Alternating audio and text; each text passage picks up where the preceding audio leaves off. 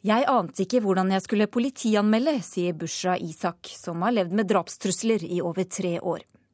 Mann ble kastet ut av treningssenter fordi han luktet svette. Det må være lov å lukte høgg når man trener, mener Jarle Andøy. Og Mattilsynet vil tillate slanger og øgler som husdyr. Dårlig nytt for folk med slangeskrekk. Nå har jeg latt det gro til så fælt her. Det vokser så fælt. Så. Ja, du ser kanskje der? Du hører på en podkast av Ukeslutt. Jeg heter Elisabeth Onsum. Vi starter sendingen med debatten rundt nettsjikane av kvinner. Eller også så er du beredt på krigsforklaring, der du aldri noensinne kan kjenne deg trygg. En dag kommer jeg personlig å skjære halsen av deg og lämna deg med kniven oppkjørt i fittan. Til skillnad fra deg er jeg begåvad med intelligens. Jeg fatter at du til en början kommer å søke skydd men jo lengre tiden går, desto større risker kommer du å ta. da du inbillar deg at du er i trygghet. Men den tryggheten er inbillad. Jeg kommer å mörda deg når du minst aner det. Å få sitte tolv år på Kumlahotellet vore en ære snarere enn et straff. Valet er ditt. Uvennlige hilsener Breiviks fanklubb. Ja, dette var eh, et utdrag av den svenske dokumentaren 'Menn som netthater kvinner'. Og etter at den ble vist eh, denne uka her, så har også flere profilerte kvinner stått fram her i Norge og fortalt om lignende opplevelser. og en av dem er deg, Bushra Isak. Du er eh, samfunnsdebattant og vinner av Fritt Ords ærepris i 2010.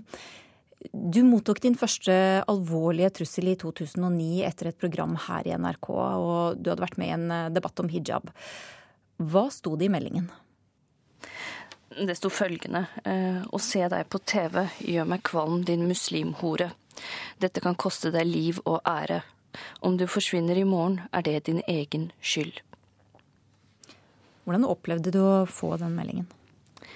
Eh, når de første meldingene tikket inn, eh, eller drapstrusselen tikket inn, så ble jeg veldig usikker. Eh, og ble etter hvert Eller fikk signalene om at man må tåle en god del. Hvem kom de signalene fra? Storsamfunnet, folk rundt, egentlig. Og så kan du på en måte ikke klage så mye som muslim, for da blir du opp det blir oppfattet som særkrav veldig lett fort, eller veldig fort, og du må på en måte tåle en del. Mm. Eh, Men du sier altså at du egentlig vurderte å, å, å stoppe? Å slutte å uttale deg offentlig? Ja, altså jeg hadde jo ikke sett for meg en offentlig karriere i utgangspunktet. Mm. Eh, så jeg syns egentlig ikke det var verdt å tenke, være redd og frykte for sitt eget liv hele, konstant. Eh, jeg var veldig usikker på hva jeg skulle gjøre med den første meldingen, for jeg ble jo ganske redd. Jeg lurte veldig på om det var trygt å ferdes ute dagen etterpå. Og jeg husker det veldig godt at eh, den dagen jeg var på NRK, så kunne jeg få en drosje hjem. Og jeg fikk drosjesjåføren til å kjøre rett utenfor døren, eh, og var veldig påpasselig hva som skjedde utover kvelden og natten. Og neste dag så ringte en kollega av meg, eh, som da oppfordret meg til å egentlig ta kontakt med politiet. Mm. Eh, gjorde du det? Jeg gjorde det etter hvert, for det var så utrolig mye lignende som kom. Jeg hadde nesten ikke kapasitet til å gå og anmelde. Du, du, jeg visste ikke hvordan man skulle anmelde engang. Eh, må man dukke opp på politistasjonen direkte når man mottar sånne hundretalls meldinger? Eh, da blir det jo veldig mye. Eh, mm. Du har altså mottatt uh, utallige egentlig trusler etter dette. Um, hvilke andre du, kan du nevne? Den meldingen jeg kommer til å lese opp, er jo en sånn stjerneeksempel på at eh, både kvinnefaktoren og muslimfaktoren gjør at belastningen blir ekstra stor. Mm. Eh, dette er følgende melding jeg har fått. Eh, hva tror du du er? Du er ekkel ekkel og stygg. Eh, du tror du kan bruke statskanalen vår NRK til å spre løgn? Tror du virkelig at du kan lure oss ved å fremstå som oppegående? Dere muslimer er her for å ødelegge landet vårt, det vet vi. Du har brukt våre skattepenger til å finansiere en dyr, dyr legeutdannelse, men du kommer aldri til å tjene landet vårt. Du er en jævla muslimfitte som gifter seg med sin fetter i Pakistan, en fødemaskin som føder haug med muslimske barn, slik at dere kan overta landet vårt. Utslette oss nordmenn og våre forfedres arv. Jeg lover deg, du og dine skal ødelegges før det. Mm. Inga Beyer Eng, du er statsadvokat og ble for alvor kjent som aktor i rettssaken mot Anders Behring Breivik. Du sier at du ikke har opplevd mye sjikane, men det var en eh, episode i forbindelse med rettssaken. Ja, altså vi, helt i starten, når den første psykiatrierklæringen kom, så uh, var det en som, som ja, kom med det som kan oppfattes som trusler på nettet. Og Det ble tatt tak i av politiet med en gang, men det gikk jo overhodet ikke på meg som kvinne. Det var jo like mye på min kollega Holden. Så, så, og når det kom, så, så tok nok ikke jeg det spesielt alvorlig. Jeg oppfattet det som en ganske mentalt ustabil person. og og tenkte at, eh, tenkte, var vel redd for at det var starten på noe, men det var altså det eneste vi hadde gjennom hele det året. Mm. Hva var det for leser, noe? Ja. Hva, Nei, Det var bare en som hadde lagt ut en film på YouTube hvor han liksom hadde noe bilde av Holden og meg, og hvor han mente at ja, var absolutt kunne oppfattes som en trussel, men det ble tatt hånd om av politiet og, og Overrasker det, overrasker det deg når du ser, ser, alle disse som står frem med sine historier? Ja, Det overrasket meg ikke når det pågikk, fordi jeg forventet at folk oppfører, oppfører seg. Men, men, når jeg leser i disse dagenes uh, oppslag, så skjønner jeg jo at uh, enten så har jeg ikke fått det med meg uh, fordi jeg ikke følger noe særlig med på sosiale medier, eller så er det fordi at jeg da tydeligvis har hatt flaks, da. Men vi har en gjest til. Sven Torgersen, du er professor i klinisk psykologi ved Universitetet i Oslo. Du var også vitne i rettssaken mot Anders Behring Breivik. Hva slags folk er de som eh, sender slike trusler, alvorlige trusler? Ja, jeg tror ikke man kan si at det er én type mennesker som gjør én type ting, slik at det er stor variasjon. Noen er kanskje bare fulle og finner på et eller annet tull. De er ansvarsløse. Um, tenker det som en uh, dum spøk. Det kan være noen. Men det kan nok være en gruppe blant disse som man kan peke ut. Um, hvor stor andel det, det utgjør, det vet jeg ikke. Men det er mennesker, det er jo menn, som egentlig har veldig lav selvfølelse. De har um, veldig liten selvtillit. Samtidig har, har, de et enormt behov for å være stor. Så, men hvordan blir de store gjennom dette, da? Ja, Det, det, det er akkurat det jeg skal si noe om, da. Ja. Altså, um, men i tillegg så må de være Må de ha veldig mye aggressivitet i seg, uh, og sadisme. Uh, og mye blandet tilfeller med kvinner, sammen med seksualitet og en sånn en smørje. Hadde de bare hatt gode følelser, så, så ville de hektet seg på kjendiser og, og, dyrket dem, kanskje litt komisk. En sånn idoldyrking, men vi hadde ikke snakket om det. Men fordi de, de, er så små, de ønsker å være store. De blir store gjennom å hekte seg på kjente personer. som utløser mye følelser. men hva er altså, deler Noen av disse truslene er, er ordentlig grove? Det er drapstrusler. Ja. Hva, er, eh, hva, er, sjansen for at de kommer til å sette handling bak eh, ordene? Altså, de er grove fordi at de er aggressive. De er sadister på en uh, måte. Og de, de koser over tanken på hvilken effekt de klarer å ha på kjente mennesker. Som i deres øyne, og ja, våre øyne, står høyt over dem. Og så er spørsmålet hvor farlig er det? Og det er jo farlig å si at ting ikke er farlig. Men eh, det, det, viser seg jo veldig sjelden at det kommer noe ut av det, for de er veldig feige. Men eh, Inga Beyer-Eng, hvor går grensen, mener du, for hva man skal finne seg i? Når det begynner å bli trusler, og sånn som eh, vi fikk høre nå tidligere, et, klart der har grensen gått langt over hva man skal akseptere. Da tror jeg det er viktig at man anmelder det og, og tar tak i det, og at, at politiet liksom da setter i gang de tiltak de eventuelt har for å for å ta tak i det. Ja. Busha, Isak, hva tenker du? Hvor går grensen? Eh, det jeg, eh, min tilnærming er å sortere ut. Eh, hat og sjikane aksepterer jeg ikke, men jeg er blitt vant til det. Og jeg tar ikke det videre, rett og slett. Men jeg vurderer trusler, eh, direkte trusler, og hvilken uttrykksform det kommer i. Eh, som det ble sagt, så har jeg på en måte også skånet meg for litt med sosiale medier, for det er en enorm belastning. Jeg har heller ikke Facebook, jeg er ikke på sosiale medier, ikke på Twitter, og heller ikke blogg. Og det, det har sine ulemper, men det er en virkelighet jeg må forholde meg til. Ja, For du har jo også trukket deg fra arrangement fordi du ikke fikk politibeskyttelse i gitte tilfeller. for meg så er det viktig å fortsette i offentligheten. Det er, ikke, det er viktig å ikke kneble, men det er, det første prioriteten er å prioritere mitt eget liv. Og, og, når jeg føler at den sikkerheten ikke kan ivaretas, eh, verken eh, om det er arrangøren eller om det er politiet, så, så eh, setter jeg meg først og mine. Mm. Sven Torgersen, du får siste ord her, veldig kort. Hvor bør grensen gå? Selv om det ikke skjer noe, som regel, i motsetning til nære forhold, hvor trusler er veldig farlige, så påfører de folk en psykisk smerte. Eh, og de innser ved livet deres. Og, folk lever i en terrorisasjon. Og det er, det er, det er på visse måter eh, nesten like ille som om de eh går til håndgripeligheter. Så det må, det må man ta alvorlig. For mange har TV-programmet Hvem tror du at du er? trigget ønsket om å grave frem dype slektsrøtter. Men for noen kan reisen for å finne sin egen mor være lang nok. Reporter Jelena Cabo har møtt adopterte Christian, som hadde et sterkt ønske om å finne sin biologiske mor i Colombia, og Aruna, som ikke, oppsøkte, som ikke vil oppsøke sine indiske røtter. Jeg kan vise litt bilder. Yes. Her ser vi min mor, eh, Rosmira. Christian Armando Klemetsen ble født i Colombia og adoptert til Moss i Norge. Hun var veldig brun. Mørkere enn meg. Svart hår. Svart, langt hår. Eh, sånn bluse. Det er vel sånn beige. Og olabukse. Det er sånn typiske klær. Eh, sandaler.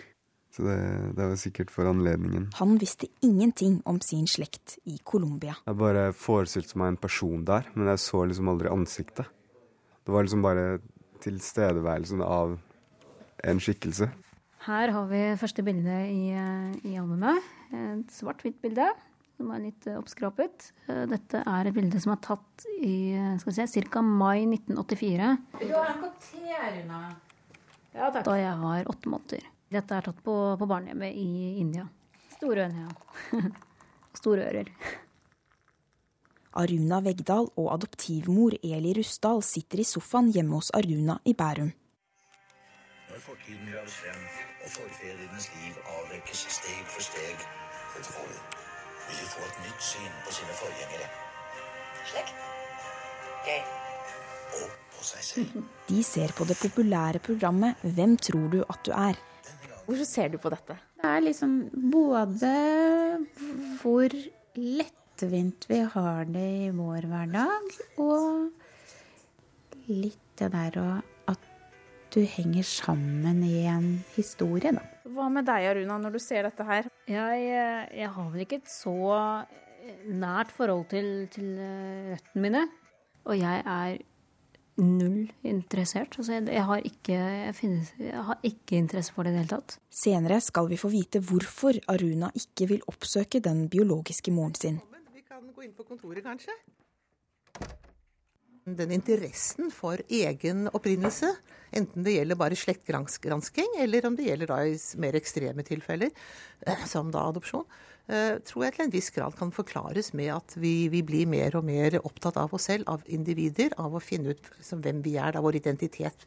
Mens i veldig mange andre kulturer så er ikke det så veldig viktig. Det sier professor ved Universitetet i Oslo, Signe Hovel, som har forsket på adopsjon. Hvordan var det der man kommer fra, hvordan ser det ut, spurte foreldra, fantaserte. Barndomsminne. Men Christian har lengtet etter å vite noe om sin slekt i Colombia siden han var barn. Før så var det bare en tanke jeg skal dra en gang, og, og Colombia var veldig fjern. Eh, så det ble mer og mer en sånn slags uh, litt sånn fortvilelse, kanskje, om at nå er det snart på tide, da. Professor Hovel tror det er særlig i ungdomsårene at noen adoptivbarn ønsker å søke tilbake til sine røtter.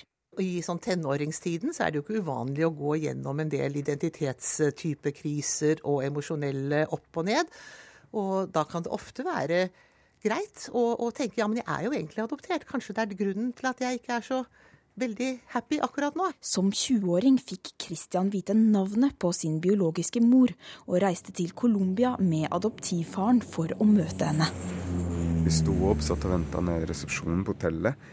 Var liksom spent, veldig spent på både meg og faren min. Så det tok litt tid. Satt, sitter liksom og ser på klokka. og Vi skal inn i taxi, vi skal kjøre til en park. Så setter vi oss inn og kjører av sted, og kjører bare ja, så vidt rundt hjørnet.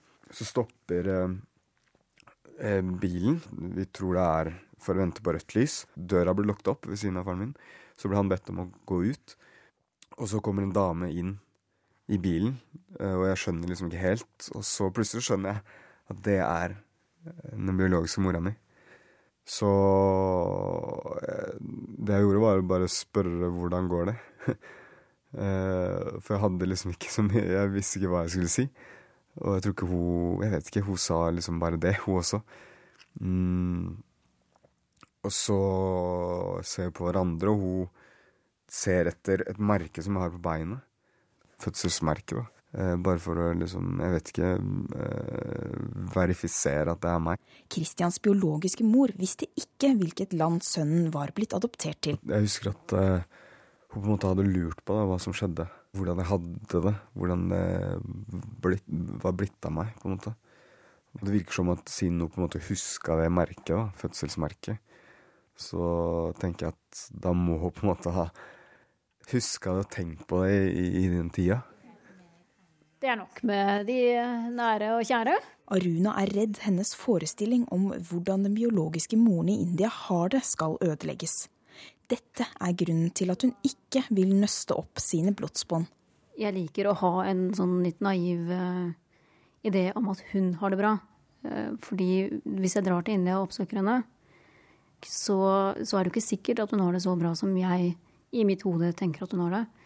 Uh, og det er også en tøff realitet å skulle forholde seg til. For Christian er den colombianske opprinnelsen viktig. Man føler jo familie med dem man er sammen med. Man kan skape familie også uten å være i slekt. Eh, mens det biologiske kanskje noe mer, sånn inn, sånn mer, har kanskje mer med det personlige behovet da, for å finne ut hvor man kommer fra, eller hvem man tilhører. Eller egentlig tilhører. Som utenlandsadoptert så er det på en måte ikke Man kan ikke legge skjul på at man kommer fra et annet sted. da. Vi skal skifte tema ganske kraftig. For eh, denne uka ble en mann kastet ut av treningssenteret fordi han luktet svette.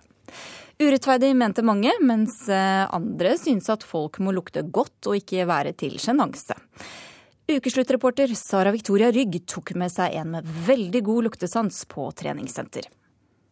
Jeg er Åse Jacobsen Aperitif. Min jobb er eh, redaktør i nettstedet Aperitif. Men eh, det å lukte er en viktig del av hverdagen for å utføre jobben min. Hvordan da? Altså, jobber jo veldig mye med å smake på vin. Og en vin, å smake på en vin det innebærer først og fremst å lukte. Så du har veldig god luktesans? Ja, så jeg vil jo ikke påstå at jeg har verdens beste. Men eh, jeg har alltid hatt veldig sterk luktesans fra jeg var ganske liten. Nå er vi inne på en litt sånn eh, altså svett eh, treningssal. Hvordan er det for deg å være her når du har så god luktesans? Noen ganger så kan det være plagsomt, det må jeg si. Men det er ikke nødvendigvis pga. de naturlige eh, avdunstningene fra kroppen. Det kan være andre ting som gjør at det ikke er godt. Det kan være at folk bruker veldig mye parfyme, som eh, forstyrrer og blir veldig Når man svetter f.eks. og har masse parfyme på, så vil jo det bli enda sterkere. Da ser jeg to menn her borte som, som ser litt passe svette ut. Skal vi gå og lukte på det? Ja. Du er kjempesprek. Jeg kommer fra NRK. Jeg lurer på om om Oskar kan få lukte litt på deg? Lukte litt på meg? Ja. ja, det kan du helt sikkert. da må du nesten løfte på armen. Eller... Å, er det såpass, ja? Ja, såpass, ja. Okay. Aner litt svette, men uh, du har ikke jobbet kjempelenge, har du det? I tre kvarter. Du har jobbet i tre kvarter. Ja. ja.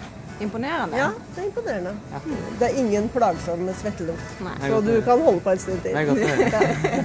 Hei, vi kommer fra NRK. Kan vi få lukte på deg? Ja, det er greit. Her lukter det eh, Omo Color. Så du vasker eh, klærne dine ja. Ja. nøye mellom hver treningsøkt? Ja, det stemmer.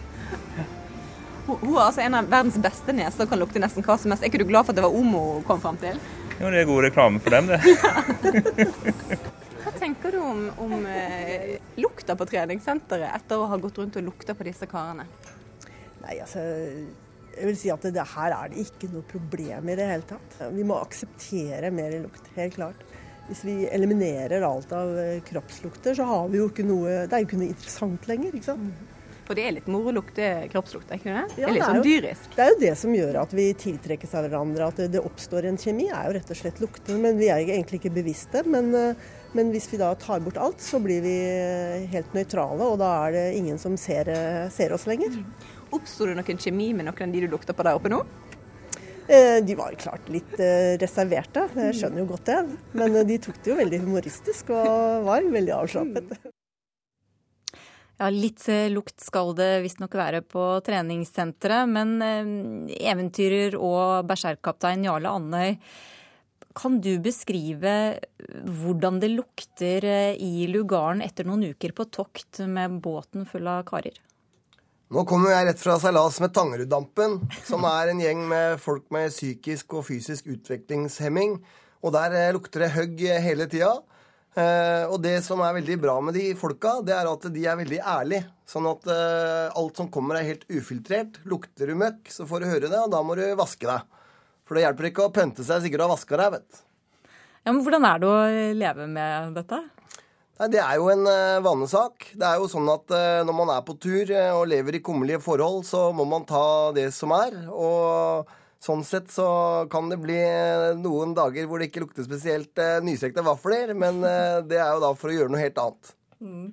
Men, du, men du har jo vært på lange ekspedisjoner også med hardbarka karer, hvor de kanskje har vært begrenset med muligheter for hygienisk eh, vedlikehold. Um, kommer det til et punkt hvor man på en måte bare gir litt opp og bare tenker sånn der, OK, nå får det bare stå til? På ekspedisjoner i isen så er det jo sånn at eh, et fettlag i huden og skitt, det er egentlig veldig bra. Fordi at det har en isolerende evne. Eh, og Det lukter sånn kanskje ikke spesielt eh, godt. Nei. Men eh, da ligger man i hver sin sovepose i et eh, telt eller nedgravd i en hule. Og sånn sett så er det ikke akkurat lukta man er mest opptatt av. Det er egentlig bare å overleve eller eh, å ha det mest mulig komfortabelt i eh, ganske kalde temperaturer. Ja, Det skjønner jeg, men kan du likevel beskrive litt hvordan det lukter? Det er jo egentlig som å komme fra en joggetur. Det å stikke nesa nede i skoa. Da er det ikke spesielt freskt. Og det gjelder jo oss alle. Mm. Hvordan er det å komme, komme tilbake til sivilisasjonen eh, etter en sånn tur? Er det litt sånn stinkbombe møter Wunderbaum? Nei, altså jeg må si at uh, denne debatten her, da, uh, som har kommet i kjølvannet av denne karen som ble kasta ut fra treningssenter fordi han lukta svette, det er jo sånn at eh, jeg da lurer litt på egentlig hvor langt eh, evolusjonen på det moderne mennesket har gått. Eh, nettopp fordi at det er jo et tema som er ganske spesielt. Det er jo sånn at hvis man er i et u-land f.eks., så er det jo veldig sterke lukter hele tida. Det er en del av tilværelsen. Men så har man en sosial intelligens. Man snakker jo sammen og sier du, du lukter vondt, du må gå og vaske deg. Og så gjør man det, og så løser man problemet. Så er det ikke noe problem. Mm. Nå har vi faktisk med oss markedssjefen for treningskjeden EBO, der hvor dette skjedde.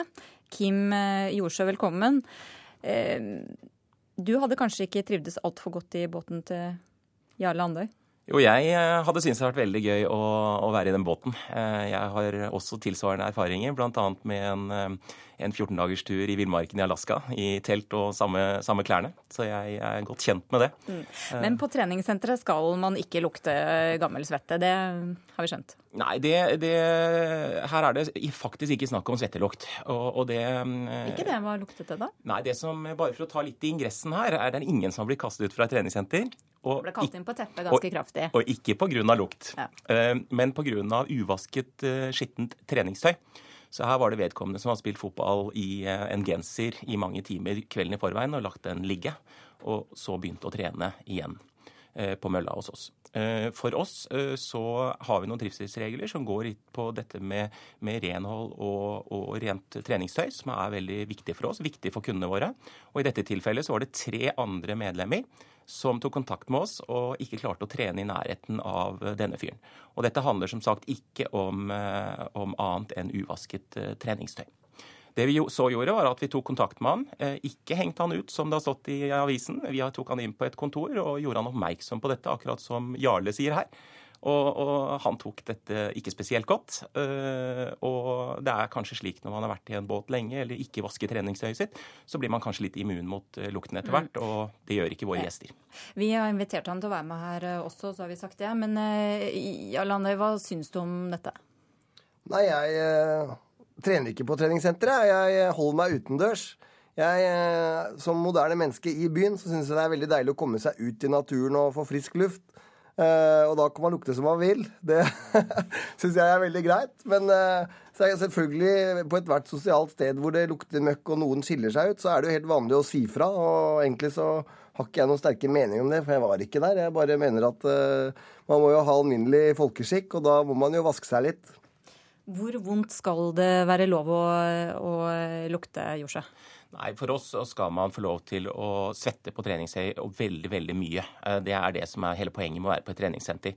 Og vi alle har litt eh, ulik eh, kroppslukt, men alle vet også at det er ikke den ferske svetten som, som men Er det så enkelt? Ja, er for det... oss så tror vi det. Og for oss så handler det litt om Da er det du... veldig mange på mitt treningssenter som ikke har vaska tøyet sitt? Si sånn. Ja, jeg tror at, jeg tror at For i hvert fall det vi opplever, er at dette er ikke et, et stort problem problem for oss. Vi tar tak i det når det blir for mye for andre medlemmer. Vi har 30 000 fornøyde kunder eh, som liker våre treningssentre, som vi vasker to ganger om dagen. Og da må vi også trene i rent treningstøy. For det er vel fortsatt et poeng at eh, det skal lukte svette på et treningssenter? Ja, det, det, det, er ikke et poeng at det skal lukte svette, men det er et poeng at man skal svette. Og det skal, det skal trenes. Ja. Men hvor, eh, hvor, er det liksom grensa går, da? Hvor er det liksom det blir for mye for deres kunder å lukte svette?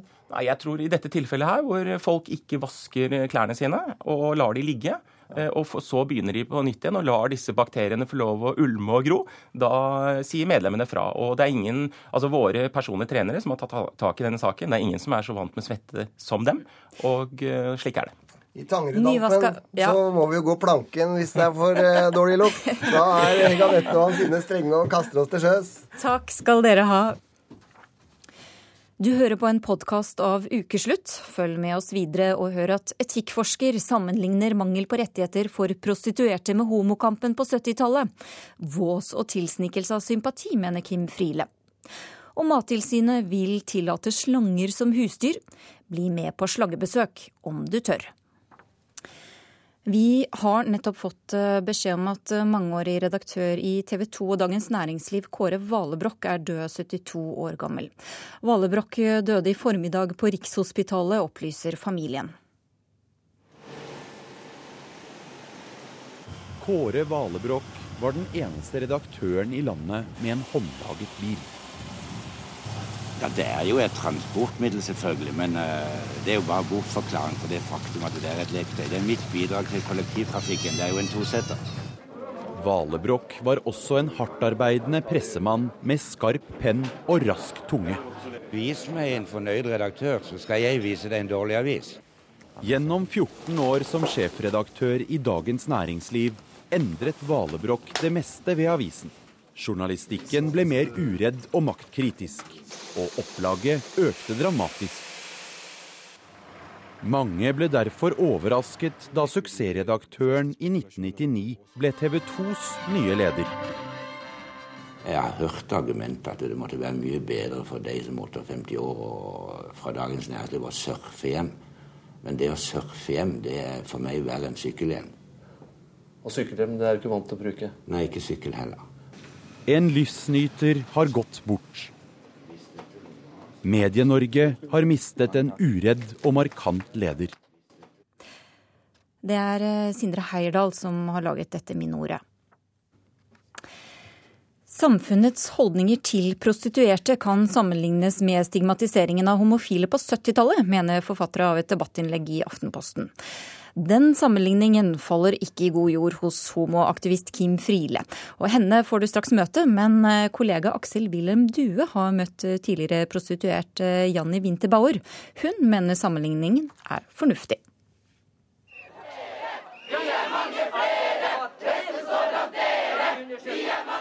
De har kjempa selvfølgelig for, for sine, sine, rettigheter. Og nå er, det, nå er det jentenes rettigheter det, det dreier seg om. Noen av de jentene Janne Winterbauer snakker om, står et par kvartaler lenger ned i gata for oss. sitter hundene mine, og jeg står litt ulovlig parkert. Selvfølgelig. Vi er i horestrøket i Oslo sammen med lederen av de prostituertes interesseorganisasjon. Winterbauer husker rettighetskampen for de homofile på 70-tallet godt nok til å se likheter med den kampen hun driver i dag. Da var jeg ikke aktiv eh, den, den gangen. Men, eh, men, jeg har jo sett det på, sett det på avstand, og jeg, jeg, skjønner godt sammenligningen. Jeg ser, eh, ser bildet.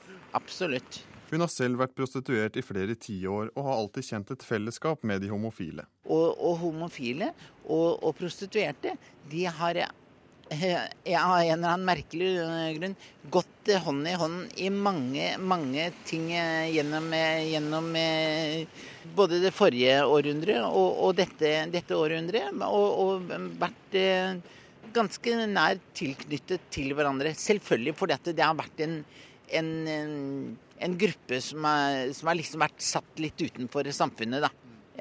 Idet en mørk bil med sotede vinduer kjører forbi oss, ser Winterbauer nedover gata på jentene hun mener er uten essensielle rettigheter.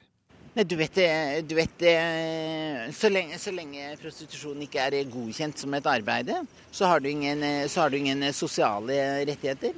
Eh, prostituerte kan bli syke som alle andre. Og, og hva gjør de da?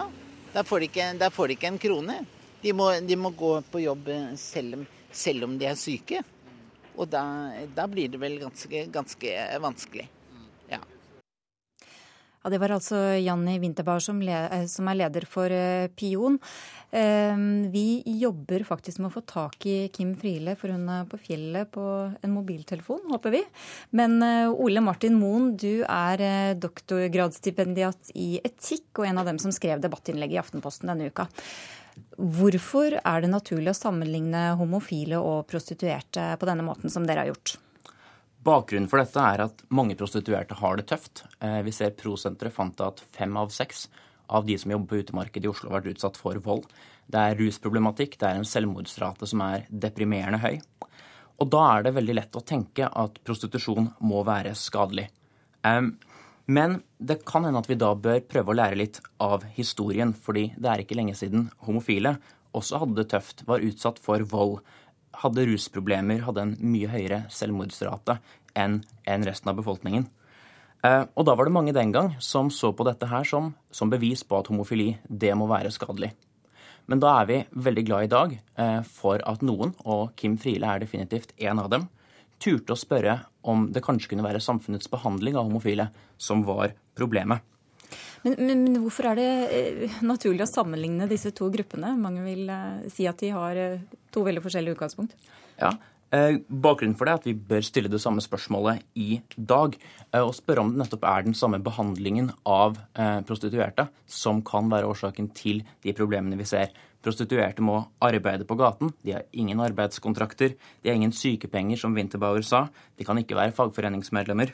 De blir spyttet på, utskjelt, og de blir veldig veldig dårlig behandlet fra, fra samfunnets side. Og vi har sett tidligere i historien hvordan en gruppe, en utsatt gruppe kan få det veldig tungt, veldig vanskelig, av å bli stigmatisert, slik som homofile ble. Og vi tenker at mye av argumenterer for at mye av det samme er, er forklaringen i tilfellet prostituerte i dag. Derfor argumenterer vi for at prostituerte bør slippes inn i varmen. Nå har vi med oss eh, Kim Friele, er det sånn? Kim Friele, er du med? Hallo? Hallo. Hei. Velkommen. Hei. Ja, hei du. Jeg trodde dere var slutt klokka ett. Ja. Nei da, vi er på lufta nå, vi. Så, Jaha. Ja da. Så velkommen skal du være. Ja. Nå, nå, har ikke du hørt alt hva Ole Martin Moen eh, har sagt, men du har jo lest hva han har skrevet. Jeg har lest hva han har skrevet, ja. Og Kan du si litt om hvordan du reagerte når du leste det? Ja, det kan jeg gjøre. Jeg syns uh, sammenligningen uh, han trekker i avsnitt to Uh, ikke har han noe belegg for det, og ikke er det en realitet, og ikke har han noe kildehenvisning. For de som ikke har lest det, Kim Friele, hva står det der? Nei, det som står der, det er for å være helt eller, eller, for å si det sånn, hva er det du reagerer på med sammenligningen? Nei, jeg blir ikke verken tusjert eller annet. Jeg reagerer på at det er faktisk feil alt de lister opp der. Og hva er det de lister opp? de lister de trekker en sammenligning med homofiles kamp på 70-tallet. Og der lister de opp eh, at vi var befengt med sykdommer, at vi brukte mer narkotika enn andre, at det var masse vold, og at selvmordsstatistikken for vår del var, var høyere enn for befolkningen for øvrig. Og Det- sånn var det ikke, mener du?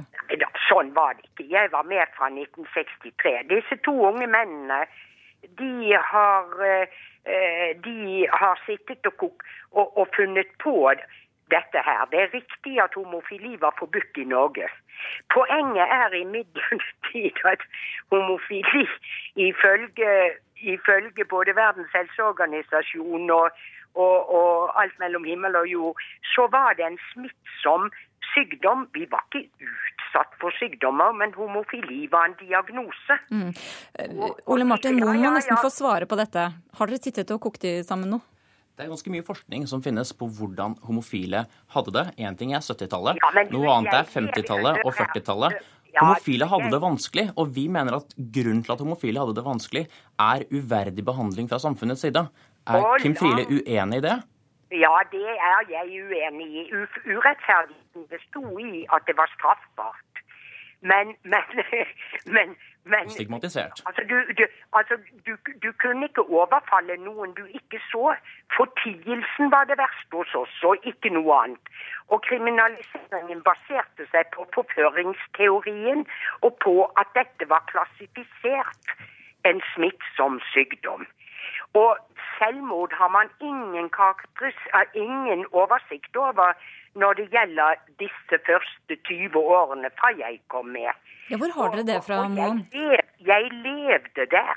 Du må ikke si sånt sludder at vi var utsatt for sykdommer. Hva slags sykdommer? Hva er det for slags kilder du baserer deg på? Få svare på det, Moen. Okay. Et øyeblikk, Friele. La Moen få svare. Arnold, Arnold Havelin den første som foretok en undersøkelse om holdningene til homofili. Og det gikk på den mentale sykdommen og ingenting annet. Ikke at vi hadde spesielle sykdommer. Mm. Moen må få svare, Friele. Eh, For det første, eh, på de materialet for dette er antologien Norsk homoforskning på universitetsforlaget. Det andre er at dette er ikke primært en diskusjon om homofili. Det er en, det er en, en diskusjon om hvorfor prostituerte har det så vanskelig som de har det i dag. Og da kan vi lære av historien. Det er klart at homofili og prostitusjon er to forskjellige ting. Det er litt av poenget med å trekke en parallell, at det er to forskjellige ting. Men det er likevel noe man kan lære her. Frile, Friele, bør, bør eh, prostituerte ha, ha rettigheter på linje med alle andre i samfunnet, syns du? Fortjener de det? Altså, jeg har ikke bedt om, og er ikke blitt bedt om, å delta i en diskusjon for og imot prostitusjon. Dette er eh, i gåseøyne svindel. Jeg er blitt bedt om å svare på om den likhetslinjen vedkommende trekker her, Ja. stemmer, og jeg sier den stemmer ikke. Mm. Og så vil jeg bare spørre, hva er det for slags rettigheter prostituerte ikke har? Det vil jeg gjerne vite. Du får- vi, hadde ingen, vi hadde ingen rettigheter. Vi fikk ikke jobb, vi ble Mm. kastet ut av bolig. Vi var ikke beskyttet av arbeidsmiljøloven. Vi kunne lobotomeres. Ja. Altså, Hva er det slags rettigheter prostituerte ikke har, da? Det eh, må vi eh, Vi må faktisk avslutte nå pga. tiden. Men eh, innlegget står i Aftenposten. Takk skal dere ha. Slanger som kongepyton og regnbueboa bør bli tillatt å ha som husdyr. Ja, Det mener i hvert fall Mattilsynet. Trolig finnes det allerede 100 000 slike dyr ulovlig i norske hjem. Reporter Linn Beate Gabrielsen utfordret slangeskrekken og dro på besøk til en mann som har huset fullt av vemmelige krypdyr. Åh, nei, ja. Såpass, ja. ja. Ja. Nei, du må stå der borte. Jeg kan stå der. Jeg kan sette meg der. Ja, den var mye større. Ja, den er eh, kraftigere, da, tykkere, men den er jo veldig fredelig. Helt på andre sida av stua kommer Pål Sørensen inn døra med en kongepyton. Svart med snirklete gyllent mønster. Men den er snill. Den er veldig snill. Eh, på engelsk kalles det eh, en ball python, altså en, en ballpyton. Fordi at den har en, en atferd som gjør at den ruller seg sammen til en ball. Og det er rett og slett for å beskytte seg. Da. Eh, Den tar hodet i midten, Og beskytte, det er tross alt den gjeveste delen av kroppen. Det er kanskje den arten det fins mest av i, i Norge.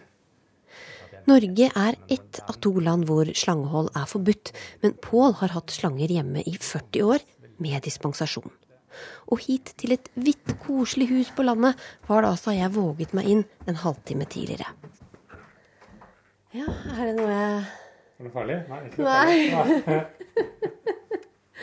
Men er det noe jeg bør forberede meg på før jeg det er- møter disse Forskjellige dyr, da. Ja.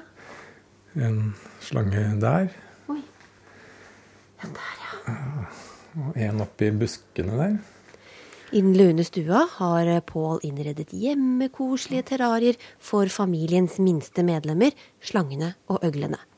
Bak glass sitter de musestille mellom blader, bark og steiner. Nå har jeg latt det gro til så fælt her. Det vokser så fælt. Å, jo. oh, Ser, ja, du ser er kanskje der? Ja. Kveilet opp på greina der. Er den farlig? Nei, den er ikke farlig, men den, den er ikke noe det, altså den, Hvis den blir eh, irritert eller sur, så kan den bite, men den farlig er den ikke. Hvordan reagerer folk? Nei, mange er jo eh, i utgangspunktet eh, skeptiske. Men, og er kanskje De sier de er redd for slanger og liker ikke slanger. Eh, men veldig mange, når de liksom får se på dem under så kontrollerte forhold som dette her, så, så roer de seg ned, og så, så blir de ganske fascinert da, og syns de, de er fine å se på. De, de tror, folk flest tror at de er slimete og ekle. Så får de kanskje ta på dem og kjenne at det er de ikke. Eh, og så blir de litt uh, imponert over musk muskulaturen, da, hvor, hvor muskuløse de er. Fordi at mange av disse slangene ja, de, For det skal de kunne klatre og krype rundt, men de uh, avliver også byttedyrene sine da, ved å kvele dem. Slynge seg rundt dem og, og kvele dem. Da må du ha litt muskulatur, da, det, og det er jo ganske tydelig å kjenne når du kjenner på disse dyrene. Sånn at eh, Det er også noe som imponerer folk, da. Det kan gå flere uker mellom hver gang slangene spiser. Og maten har Pål i fryseren. Her har vi da kylling og lettis og mus. dette, er, eh, dette er sånne ville mus som jeg da har fått av en velvillig nabo. Som eh, Hvis det kommer mus inn, så, så setter de opp feller, og så kjenner de da mitt eh, behov. Så da får jeg en sånn gavepakning med frosne mus. da. De søte. De er, ja, veldig søte, da. Mm. Så, så må de tines opp til sånn kroppstemperatur. Mikroen? Ja, f.eks. to minutter i mikrobølgen. Da er det passe. Ja, eller legges på et varmt sted, eller i, i varmt vann, eller ja. Så kan jeg ikke utsette det lenger. Pål har satt seg ved bordet med slangen i hendene, og jeg går forsiktig bort til dem. Den biter ikke? Den biter ikke, nei. Jeg tør å ta en finger bortpå. Du kan ta, nå har den jo i hvert fall gjemt eh, hodet hvor tennene sitter. Så du kan, så du kan ta en finger bortpå, så kan du jo Hvordan kjennes den ut, da? Ja, det, er det, det kan du finne ut, da. Jeg tar en pekefinger sakte mot slangekroppen. Å nei, unnskyld. Det er i hvert fall ikke slimete. Den er bare blank og fin i skinnet. Å, jeg- Nei, det var vanskelig, der, skjønner jeg. Uff. Ja, nei, ja. Men den var jo ikke noe rar å ta på. Nei, den er eh, myk, eller ja, hard og, hard og myk. Altså blank og glatt og fast i muskulaturen, men, men allikevel da Mhm. mykt skinn. Så nå, ja. Nå var det Stryker jeg fingeren bortover. Den reagerer jo ikke noe på at jeg tar på den, liksom. Nei, nå er den, eh, nå er den liksom i veldig sånn eh, beskyttelses... eh, Ja. Er den eller jeg reddest nå, tror du? Ja, det, det kan faktisk hende at den er reddest. Ja.